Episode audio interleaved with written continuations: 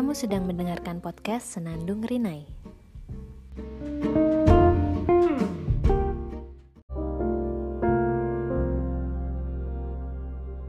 Hai, selamat datang di Senandung Rinai. Udah sebulan lebih gak posting apa-apa karena emang gak ada ide. Kali ini saya mau bahas soal kebahagiaan. Berat ya? Ya, sebuah kata yang kata orang sih sederhana. Tapi ternyata nggak semua orang bisa punya. Kadang katanya bahagia itu sederhana. Bisa makan indomie setelah sekian lama nggak itu bikin bahagia. Bisa check out belanjaan yang dipengenin di Shopee itu bikin bahagia. Fangirling itu bikin bahagia. Nonton drakor bikin bahagia. Apa pun itu dalam konteks yang sederhana tapi sadar gak sih kalau kebahagiaan itu sebenarnya jauh lebih rumit? Karena banyak orang yang menetapkan standar kebahagiaan menjadi sama rata. Kamu harus menikah agar kamu bisa lebih bahagia.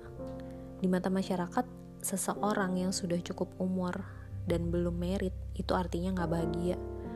Kalaupun udah nikah, kamu harus langsung punya anak. Kalau kamu gak punya anak, artinya kamu gak bahagia. Padahal kebahagiaan itu standar masing-masing orang itu berbeda. Nggak bisa disamain standarnya. Awalnya saya pikir hidup saya itu udah cukup bahagia. Maksudnya ya baik-baik aja gitu. Banyak yang lebih parah gitu.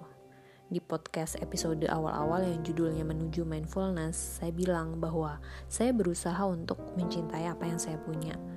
Saya berusaha untuk bahagia uh, atas apa yang saya miliki tapi ternyata perjalanannya nggak sesederhana dan semudah itu. Sedikit banyak tuntutan sosial itu cukup mengganggu. Saya menjadi gampang sedih kalau ngelihat ada orang lain yang cukup mudah, terlalu mudah untuk mendapatkan apa yang belum saya dapatkan. Saya cenderung kayak menghindari mereka, saya nge-hide sosmed mereka sehingga saya nggak perlu ngelihat kebahagiaan mereka. Saya menghindari ketemu mereka dan ngobrol terlalu banyak dengan. Iri mungkin, dan itu normal sih. Ketika kita merasa kenapa dia bisa sedangkan saya enggak, kenapa dia gampang banget sedangkan saya susah banget, dan saya nggak bisa berbuat apa-apa itu normal. Menjadi tidak normal ketika rasa iri menjadi pembenaran kita melakukan hal-hal buruk atau jahat ya semacam di sinetron gitu ya. Apakah itu tanda bahwa saya nggak bahagia? I don't know. Ketika perasaan-perasaan negatif itu datang dan mengganggu saya, itu saya selalu dibilangin sih sama suami saya bahwa saya nggak seharusnya bersedih atau kita nggak seharusnya merasa buruk atas hal-hal yang nggak bisa kita kontrol, hal-hal yang di luar kuasa kita gitu. Jadi balik lagi ke apa yang bisa kita kontrol yaitu ya perasaan kita sendiri. Dan itu juga berusaha bikin catatan sih.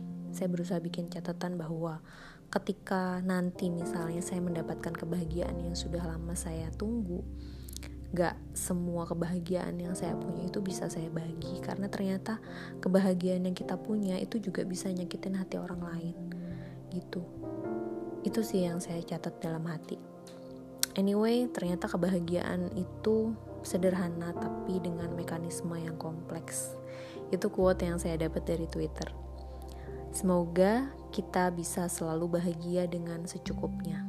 Have a nice day